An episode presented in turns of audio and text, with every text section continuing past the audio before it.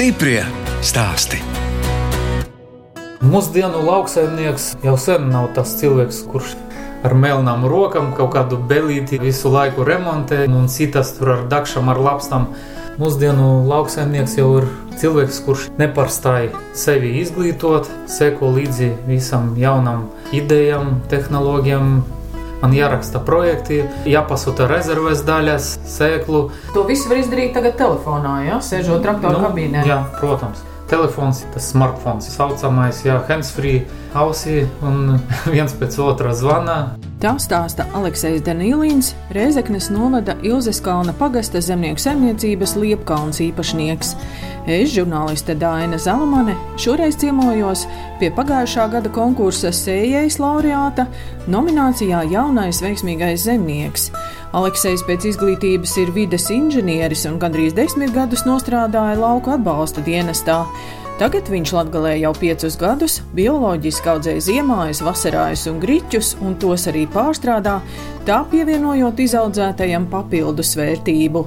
Aleksējs ar ģimeni dzīvo Reizeknē, bet 145 hektārus zemes apstrādā Ilzes kalna pagastā, kur savulaik dzīvoja un saimniekoja viņa vectēvs.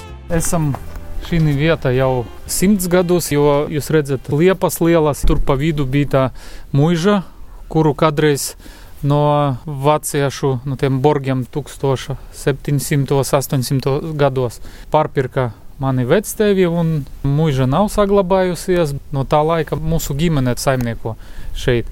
Ģimene bija liela, tāpēc tas zemes arī stipri sadalījušas, bet iznomāju no radiniekiem, kaut ko pārpirku, mēģinu atjaunot to visu vēsturi. Savu bērnību es pavadīju šeit strādājot, palīdzot vectēvam. Viņam bija toreiz kādus 40 hektārus liela saimniecība. Viņš nodarbojas ar lopiem, mazliet ar graudiem, turēja aitas. Principā visu padrusku patika kopā ar viņu strādāt, un daudz ko esmu iemācījies no viņa. Kā sauc vecētiņu? Jevgenijs viņu sauca. Nopirka to mūžu, viņam bija Vinogradovi uzvārds.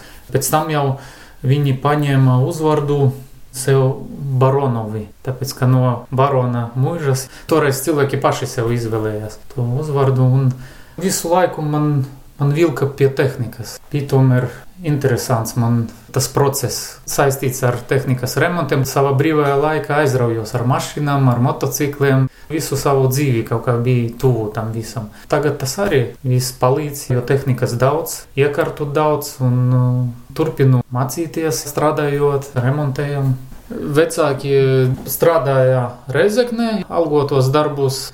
Tevs bija celtnieks, mamma strādāja Reizeknes dzirnavnieka. Vides inženieris, viņa bija loģistikas speciāliste. Ļoti daudz tur viņa bija amatu toreiz. Principā visu savu dzīvi viņa tur nostrādāja. Nu jā, un brīvdienas droši vien vecāki pavadīja arī šeit, Ilzes kalnu tieši palīdzot tieši tā. vectēvam. Jā, vakaros arī brauca. Vasara, kā siena laiks, te jau Drīz katru dienu vajadzēja. Jums ir kāds brālis, māsa arī?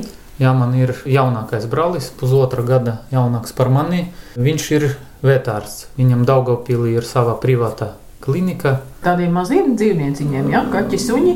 Jā, nu viņš vairāk ir speciālists ar putniem, bet ar to laikam daudz eh, nenopelnīs. Viņi šeit tur, tas ir Teva sirds mīļa lieta kopā ar manu brāli. Viņi tur eksotiskos putnus, pāvus, fazāni, visādi tur brīnumi. Un kur te jūs skolā gājāt? Pabeidzu Rezekne skolu. Pēc 9. klases mums sākumā bija Rezekne filiāls pirmo gadu, pēc tam mēs jau aizbraucām tur uz Rīgu. Pabeidzu valsts tehnikumu datorika specialitāti. Un kāpēc tāda izvēle? Tas bija tāds laiks, kad tikai tas viss parādījās. Tas, man liekas, Koks bija kā, kā kosmosā aizlidot. Tagad jau tas jau ir katras mājās, un nu, bez tā jau nevar iztikt. Toreiz jau tas viss tikai sākās. Sapratu, ka nav manējais, jo nevarēju nosēdēt pie datora visu laiku. Un tas pamats, kas bija man saņemts tajā tehnikumā, es jau biju par vienu soli priekšā, kas ir saistīts ar datoru. Pēc tam arī mācījos Rezeknes augstskolā. Dabūju maģistra gradu vides zinātnē, vides inženieris esmu. Tas arī bija jauna specialitāte Rezeknes augstskolā. Bet ko vides inženieris mācās? Visu, kas saistīts ar dabas piesārņojumu. jebkura uzņēmuma ražošana pastāv problēmas ar vides piesārņojumu un e, jābūt speciālistam, lai atrisinātu to visu. Tad, kad jūs pabeidzāt studijas kā vides inženieris, Jā. paspējāt arī pastrādāt profesijā? Tikko es pabeidzu augstskolu, toreiz vēl algais šeit ieradņiem bija tuvu pie simts latiem. Biju aizbraucis ārzemēs, Islandē strādāju gandrīz gadu. Tur es varēju nopelnīt gandrīz tūkstoti mēnesī. Gan celtniecība biju, gan biju lauksaimniecībā. Tālu, jā, nu pēc lielas naudas vajadzēja aizbraukt. Bet nu, tas bija arī labs spēriens. Atbraucu jau bija nauda kabatā, izveidoju jau ģimeni. Tad to līgavu jau bijāt nolūkojuši šeit Latvijā? Mm, jā, viņi pelnīt? jau gaidīja mani, jā, var teikt. Tur, teiksim, vienātnē paliekot, bija laiks padomāt, pasapņot par dzīvi. Bija konkursu lauku atbalsta dienesta par inspektori. Un aizgāju parunāt, iepatīkas man tas, ko man solīja kādu darbu. Daudz fiziska bija darba, darbs ar cilvēkiem. Desmit gadus tur nostrādāju. Bet tad alga bija drusku lielāka nekā tie simts Latvijā. Nē, nu toreiz jau sākās katru pusgadu pielika un pielika, jā, līdz tam burbulim bija jautri.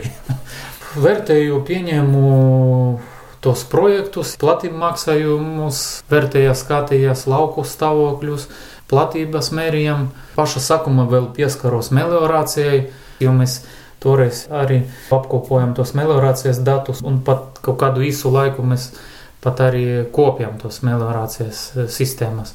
Bija mums strādnieki. Es varēju arī tur daudz ko iemācīties, tas arī palīdz tagad. Tagad savus meliorācijas sistēmas saimniekoju. Jāremontē, jāmeklē vietas, kur ir problēmas. Es atceros, kādreiz tur bija tā māla drenas, ko tur lika, vai tagad arī kaut kādus tādas sistēmas veido? Joprojām pat koka drenaža strādā. Mm. Jā, kopjam arī to. Tuvu pie simts jau gandrīz gadiem, bet joprojām viņa, kā Vēl. mēs saucam, muļmanu laiku jau ah. jā, likta. Pa kudrajam parasti viņu varam mēs atrast. Bet uh, paralēli tam algotam darbam jūs tāpat braucāt regulāri šeit palīdzēt? Kad vec tevs aizgāja, vecāki atstāja 11 hektārus, turēja vēl kādu gotiņu, ar tiem putniem nodarbojas, bija vēl aitas drusku. Es piepalīdzēju, bet redzēju, ka viņam tas nav vairs interesanti, nav attīstības. Toreiz vajadzēja vienkārši pieņemt lēmumu. Vai nu mēs šķirāmies ar to lauksaimniecību un katrs aiziet savu ceļu, vai nu kādam jāpaliek par saimnieku. Vecāki jau saimniekoja bioloģiski. Tā bija arī tāda viņa pārliecība. Grūti man, man spriest, vai nu toreiz es kaut kā viņus novirzīju, kad vēl mācījos vides inženieros. Piemājas saimniecība, un kaut kā bija nepareizi jau saimniekot savādāk, jo mēs jau priekš sevis arī strādājam. Un strādājot iekšā tajā sistēmā, es redzēju, cik stipri atbalsta jaunos zemniekus, un ka ir tomēr man drosme uzrakstīt tos projektus. Un uh, nebija bail, ka būs grūtības, jo es redzēju, ka atbalstu ļoti daudz jaunajam zemniekam.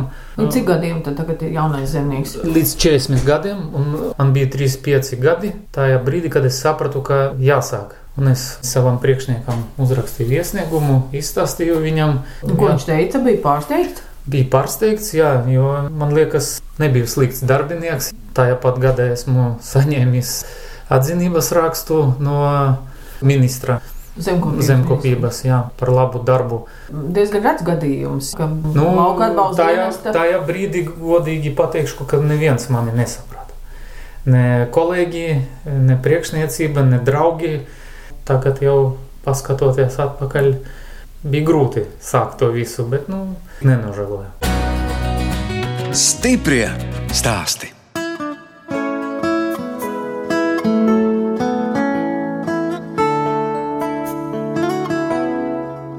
Jūs klausāties raidījumu stipri stāstī. Turpinu ciemoties Rēzeknes novada Ilzes Kalna pagasta zemnieku saimniecībā Liepkalns pie Alekseja Danīlina pagājušā gada konkursa sējējas laureāta nominācijā Jaunais veiksmīgais zemnieks. Aleksējs apstrādā 145 hektārus zemes, audzēja rudzus, kviešus, auzas, zirņus un grīķus. Sākot nodarboties ar lauksaimniecību, Aleksis uzrakstījis arī vairākus Eiropas Savienības un līderu projektus. Pirms gada uzbūvēts plašs angārs tehnikas glabāšanai, tagad tur notiek arī produkcijas pārstrāde. Kad visi graudi, tie, kuri lielākā daļa, kura tomēr vēl joprojām aiziet eksportam, kad viņi ir sagatavoti, iztīrīti, izkaltēti, safasēti, tad mēs sākam pārstrādi. Lai būtu graudi jau gatavi tālākai pārstrādei, smalkākās frakcijas, drupināšanai vai malšanai, strādāsim ar grīķiem, kalibrēsim, pēc tam mēs viņus lobīsim arī zirņu lobīšana un papildus attīrīšana. Cik jūs tos projektus esat uzrakstījis? Mēs varam teikt, ka izsmeļam visu to iespējamo savu fondu. Tehnika visa ir jauna. Gan kombinācijas, gan traktori, zemes apstrādes agregāti, šitais angārs, tas placis, ceļi, meliorācijas iekārtas atjaunotas. Apvienoju vēl divus eh, zemniekus, kaimiņu Tuvu pusmiljonam mēs esam realizējuši renovācijas projektu. Iztīrījām graujus, atjaunojam zemzemes drenāžu. Un daudz kas ir nopirkts. Sākot ar kaut kādam nelielām lietiņām, ar degvielas uzpildes stācijām, kaut kādiem kompresoriem, beidzot jau ar kombainiem un angariem. Tas jau viss pateicoties Eiropas projektiem. Jo šitos piecos gados, protams, es saņemu papildus atbalstu pie platību maksājumiem, un uh, bija iespēja to jaunu zemnieka projektu uzrakstīt. Ziemā vasarā tas, ka zemnieki to audzē, tas jau tāda tā kā pierasta lieta. Kāpēc jūs sākāt grīķus audzēt? Grīķus sākam audzēt e, līdz ar to, ka bioloģiskā saimniekošanā vispār aizņem ļoti daudz laika. Daudz jāstrādā ar zemi, daudz jāstrādā ar ar graudiem nokultiem, jo viņi ir parasti jau mitrie. Tas nezalēs patur to mitrumu. Gandrīz kā nav iespējams nokult sausos un aizvest uzreiz nodot dzirnavniekos elevatoros. Tāpēc mēs spiesti tos graudus paturēt pie sevis. Mums jādabū nost tas liekas nezalēs, pēc tam jāizkaltē, lai mums būtu normālas cenas, tad mums jāpatur kādu laiku to visu. Mēs nevaram tā kā konvencionāli piedzīt fūru pie lauka, ja, un uzreiz no kombaina vērtēja fūra, un tā fūra aizbrauc zirnavnieka, un mēs nepārtraukti varam turpināt to graudu novākšanas procesu. Tāpēc mums pēc iespējas jāsadalā tas graudu novākšanas periods pa etapiem. Dēļ to mēs arī audzējam daļu ziemaju, pēc tam mēs pārējām uz vasarājām, zirņī, auzas, un mums ir pēc tam brīdis, pāris trīs nedēļas, kad mēs varam sagatavot zemi ziemājiem, iesiet ziemājus, un tad mums vēl ir kāda trešdaļa platību, kad mēs strādājam ar grīķiem. Un tas grīķis bioloģija ir kultūra, kurai jābūt gan augu sēkai, gan arī tāpēc, ka grīķis ir tā kultūra, kur jau nezinu cik gadus pēc kārtas nes vislielāko peļņu. Neskatoties pat uz pēdējo gadu laika apstākļiem. Jūlijas ir tas mēnesis, kad ļoti smuki izskatās tie lauki, kad tas grīķis savu masu izveidoja un zied tā kā balts paklājs ļoti smuki. Visi brauc fotografēties. Vien smaržo. Drusku specifiskas ir smaržas, jā, kuram patīk, kuram nepatīk. Tas pats arī ar medu, jā, griķu. Arī tas skatās ļoti labs, jo tur vairāk tas dzelzs iekšā. Protams, jā. Jūs tomēr pārsvarā viens pats strādājat, vai jums ir arī patstāvīgie darbinieki? Nav man patstāvīgu darbinieku, Tevs man piepalīdzēja. Tagad jau pensijā aizgāja ar šo gadu. Dēls jau vecākais, jau daudz ko prot piepalīdz. Gadi, ja? jā, jā. Tagad tā tehnika ir drusku vieglākā, jā, mūsdienīga. Protams, jau piekabīja atzīt, e, izvilkt mani ar trosi. No problemātiskajām vietām kādam. Tad, kad jūs sākāt saimniekot, vai jūs jau bijāt izdomājis, ka jums būs arī visa tā pārstrāde, ka jūs gatavosiet miltus? To es sapratu, sagatavojot savu ražu eksportam, fūru sūtot ārzemēs, e, skatoties uz to pilno kravu smuko bioloģisko graudu. Vienkārši sapratu, kāpēc mēs paši nevaram sev ģimene atļauties to atstāt un, un izmantot ikdienā.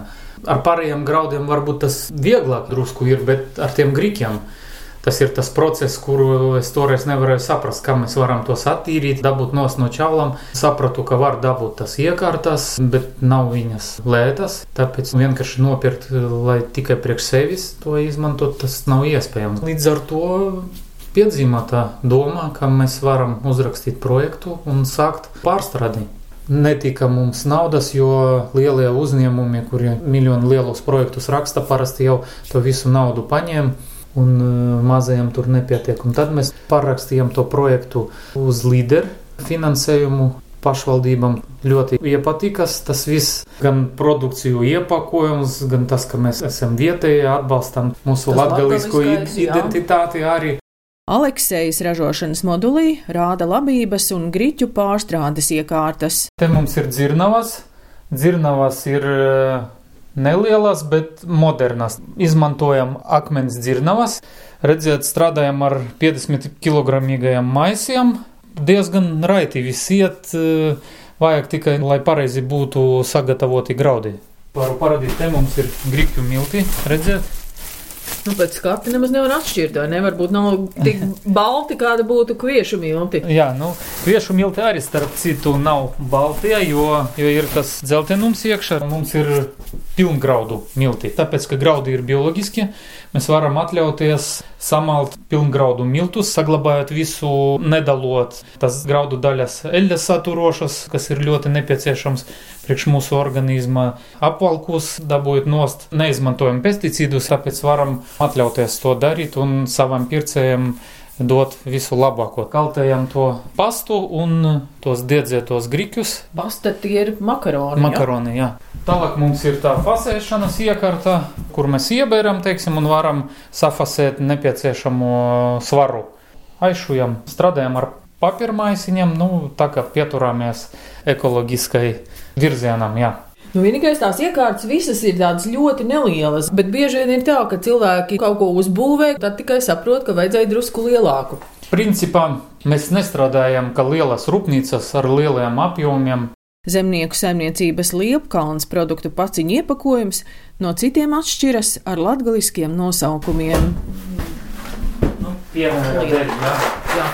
diezgan iecīnījuši. Joneits. Jā. Tas būtu Jānis un Madaļa, jā? jā. Latviski tāda, sakot. Tāda latgaļu ģimenīte, jā. Mums vēl ir Jēzubs, ir tāda veca laba dziesma. Bija tā doma vizualizēt to dziesmu, un Madaļonkai bija jābūt garā augumā, spageti veida, bet, teiksim, bioloģiski tomēr grūti to izdarīt. Interesanti, kā garšo zirņu makaroni.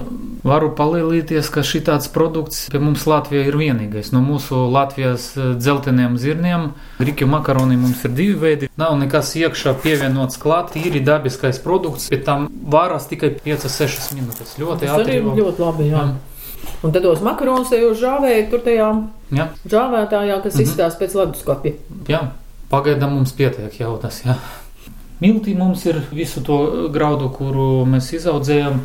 Zirņu milti mums ir kviešu, rudzu, grīķu milti. Grīķis pats par sevi ir uzturvielu bumba, ja viņš ir pats vērtīgākais graudaugs. Nepavēlti visi skrien uzreiz, ka kaut kas notiek, visi skrēja uz veikalu izpērkt tos griķus. Tas ir mūsu iecīnītākais graudaugs, pie kurā mēs mēģinājām tagad piestrādāt un paši diedzējām griķus.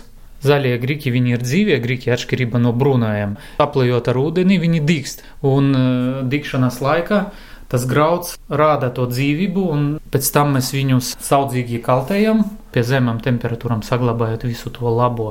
Var pievienot kādiem salātiem, jogurtos var iebērt iekšā. Viņi tādi kā riekstiņi varu iedot jums pagaršot, starp citu. Tie ir zaļie, diedzētie grīķi, kaltēti. Es iesāku tiem kuri teiksim, piedomā pie savas veselības aizvietot balto kviešu miltus ar grīķu miltiem, jo īstenībā var pilnīgi visu, ko mēs parasti mājās darām, cepam, pankūkas, kaut kādu mazo piradziņu, visu, ko var taisīt, jo, jo tiem zaļiem grīķu miltiem ir tas dabiskais līpeklis iekšā, un viņi uzvedas ļoti līdzīgi kviešu miltiem.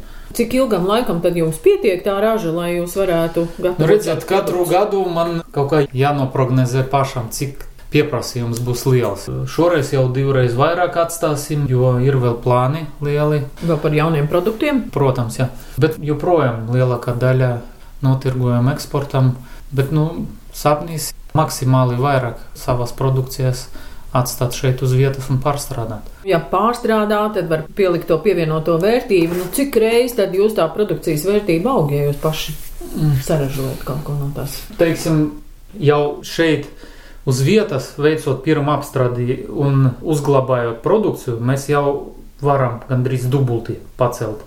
Tas virziens uz to, ka mēs varam divreiz mazāk strādāt un palikt pie tās pašas peļņas. Strādājot pie tiem pašiem apgriezieniem, varam pacelt savu peļņu divreiz. Stiprie stāsti!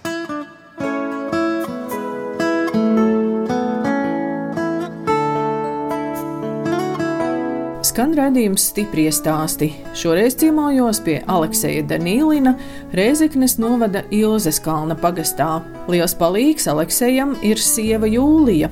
Viņa ir Rēzeknes kultūras un turisma centra vadītāja, bet tagad auklē jaunāko dēlu, gadu veco Dāvidu. Man arī nākas vēl vienu izglītību dabūt, eh, augstāko lauksensības izglītību. Un sieva tagad aizgājusi mācīties pārtikas tehnologos. Aleksē, bet varbūt arī tas ceļš bija vajadzīgs. Vispirms iegūt to pieredzi valsts darbā, un tad vairs nav bail. Nāk, Protams, jā. Var teikt, ka tas viss vēl uh, ar pašu spēkiem, neterējot liekus resursus. Jādomā viena virzienā, tas arī svarīgi. Tā kā sieva esot no tas kultūras jomas, viņa arī nepaliek prom no tā visa, jo mēs jau nu, sākam attīstīt ekskursijas. Es jau redzu, citreiz, kad atbrauc tā ekskursija, tā diezgan skeptiski skatās uz to visu, kur viņš esot atbraucis, kas te tagad notiks. Bet redzot to mūsu visu aizraušanos, iepazīstinām ar to produktu, izstāstam to bioloģijas būtību nu, un vasaras sezonu arī barojam viesus ar savu saražoto produkciju. Tā kā jums ir milti, tad jūs cepat pankūkas? Jā, mēs cepam pankūkas, taisam ļoti garšīgu putru no diedzētiem zaļiem grikiem. Kopā ar kaltētiem tomātiem. Tur mērķis bija tas, nu, jau sievas tur noslēpums, teiksim, jā, viņas izgudrojums. Ja pat gribēšu, es arī neatklāšu, jo Nemaz nezināt, jā. Jā, mani neiedziļinātājos jautājumus. Tas ir tā kā sievas pārziņā, jā, tā nu, ekskursā jā, uzņemšana. Jā, parasti es to visu saimniecisko daļu parādu izstāstu, to visu vēsturi, tālāk jau nododu viesus sievai un viņa jau par to mūsu produkciju jau smalkāk izstāstā. Un pagaidām tas viss notika tajā teltī. Mums iekšā bija tagad viss, protams, uz ziemu jau novietots uh, glabāšanai, bet tur iekšā bija viss sagatavots tam. Panniņas. Panniņas, jā, plīts, ugunskurs bija viss tā kā. Tā putru vis... vārijāt uz ugunskura? Jā, jā, tieši tā, katlā. Cik katru reizi nevarējām daudz, nekad nepalīka. Vienmēr viss izēda, jā. jā. Danīlinu ģimenē aug divi dēli - mazais Dāvids un 14 gadus vecais Ivans. Mācās poļu skolā. Kāpēc poļu? Nezinu, man liekas, ka jāpaplašina pētīt kaimiņu kultūras, valodas, jo tā lauksaimniecība, starp citu, ir ļoti saistīta ar uh, Poliju. Mums ļoti daudz gan tehnikas, visa produkcija brauc uz to pašu Vāciju caur Poliju. Logistika arī polijas, šoferi visi runa poļu valodā, tad man citreiz jāņem līdzi dēlu, lai viņš kaut ko pārtulko. Viņš te regulē mums iekraušanās. Jūlijā varbūt ir kaut kādas saites ar Poliju. Jā, viņas tēvā, viņam ir uzvārds Rukmans. Saistīti viņi jā, ar ah. Poliju. Un kā jums abiem dēliem tāds liels tas pārtraukums, gandrīz 13 gadi? Nepiekrītu tai pozīcijai, ka kamēr esat jauni vai katri bērnus iziet šo grūto periodu un tālāk jau dzīvot priekš sevis. Tomēr man liekas, ka jāredz katru bērnu jau kopā ar viņu, jāiziet šo ceļu līdz tiem 11 gadiem, kamēr viņš jau pats pateiks, mamma, tēti jau, nu, tā kā padaudz jūsus ir, drusku turēties tagad maliņā. Es pats. Dāvids vēl maziņš, bet kāds ir Dāvids? Pilnīgi savādāks nekā Ivans, jo Ivans bija tāds mierīgāks, kurš varēja nostāvēt pie vienas lietas, bet Dāvids jau tāds nu, savādāks, viņš tāds šustrais. Var teikt, ka mēs jau gandrīz ka nespējām tikt viņam pakaļ. Kā jums patīk brīvo laiku pavadīt? Paceļot, patīk. Azijā esam bijuši, jā, Afrikā. Tajā pasaule ir puslīdz apskatīta, jā? Nu, tālu vēl līdz tam, bet nu, nebūs slikti, ka tas viss tagad, kas notiek, izbeigsies un būs atkal iespēja to darīt. Tagad jau, protams, šī tādā situācijā mēģinām Latviju izbraukt arī, jo tomēr jāizvedina smadzenes no tiem visiem darbiem. Nevar tā kā strādāt strādāšanas pēc. Vispār, cik tas smieklīgi neizklausās, esmu diezgan liels slinkis. Visu laiku meklēju iespējas, kā attīstīt savas tehnoloģijas tā, lai pēc iespējas mazāk strādāt. Noskatījos, cik grūti strādā mani vecvecāki un vecāki. Ir mums iespēja tagad strādāt savādāk, saudzīgāk pret savām zemēm, atrast to iespēju, taisīt to pievienoto vērtību, nevis paplašināt zemes, tehnikas, maksimāli izsukt no zemes visu ražas. Nu, starp citu, pie bioloģijas tas arī nav iespējams. Mēs strādājam kopā ar dabu, un ja mēs nepārtraukti celsim savas ražas, vienu brīdi tas arī dos pretējo efektu. Galvenais mērķis ir palikt pie tam stabilam ražam, kuras mums tagad ir, ilgspējīgi strādāt. Aleksei, nu redz, mēs te runājamies tajā jūsu oficiņā, un te taisni paverās skats, tie ir ziemā, ja, kas te sasēti, un tagad jau tādi skaisti zaļi. Jā, šogad salīdzinājumā ar pagājušo gadu bija ļoti labs laiks un apstākļi, lai iesēt ziemājus maksimāli pareizi. Man liekas, mums tas arī izdevās. Esam tagad izmantojuši šogad iespēju apdrošināt ziemājus. To iespēju dot tagad mums lauku atbalsta dienests. Ceram uz to, ka tas nebūs aktuāli, bet nu tomēr nauda ir ieguldīta un ja tagad ir iespēja saņemt atbalstu par apdrošināšanu, tad, tad jāizmanto. Jo ziemas mums ir palikušas savādākas, tomēr riski pastāv. Kāds vēl sapnis? Gribas jau vairāk tomēr pārstrādāt tas ražas pie sevis, atrast tomēr kaut kādu noietu ārzemēs. Visvairāk tieši no manis atkarīgs tas viss ir, lai tomēr mani dēlī strādās uz priekšu kopā plakus manim. Sievu es jau tā kā Esat pārvilinājis? Pārvilināju, jā, ar savu aizraušanos viņa jau ir iekšā tajā visā procesā. Tagad bērniem ir ļoti daudz visādu aizraušanos. Tie paši datori.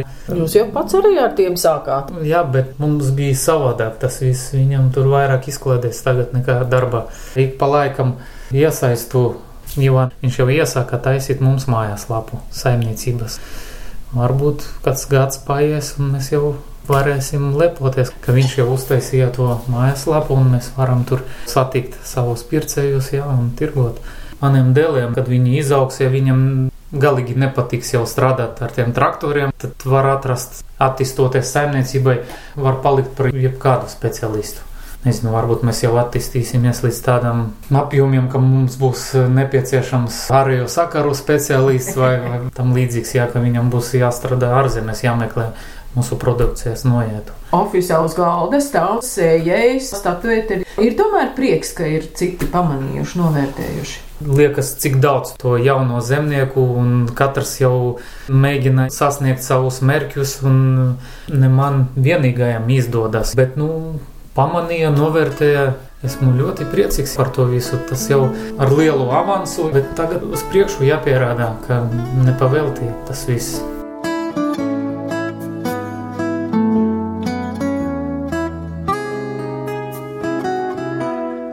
Redījums stipri stāst izskan, un es atvados no Alekseja Danīlina, kas saimnieko Rēzeknes novada Ilzes kalna pagasta zemnieku saimniecībā Liepkalns, audzēja graudus un griķus, un tos arī pārstrādā miltos un makaronos. Aleksejas bērni kļuva par konkursa sējais laureātu nominācijā Jaunais veiksmīgais zemnieks. No jums atvedās žurnāliste Dāna Zalamane un operātore Inga Bēdelē. Uz tikšanos atkal tieši pēc nedēļas.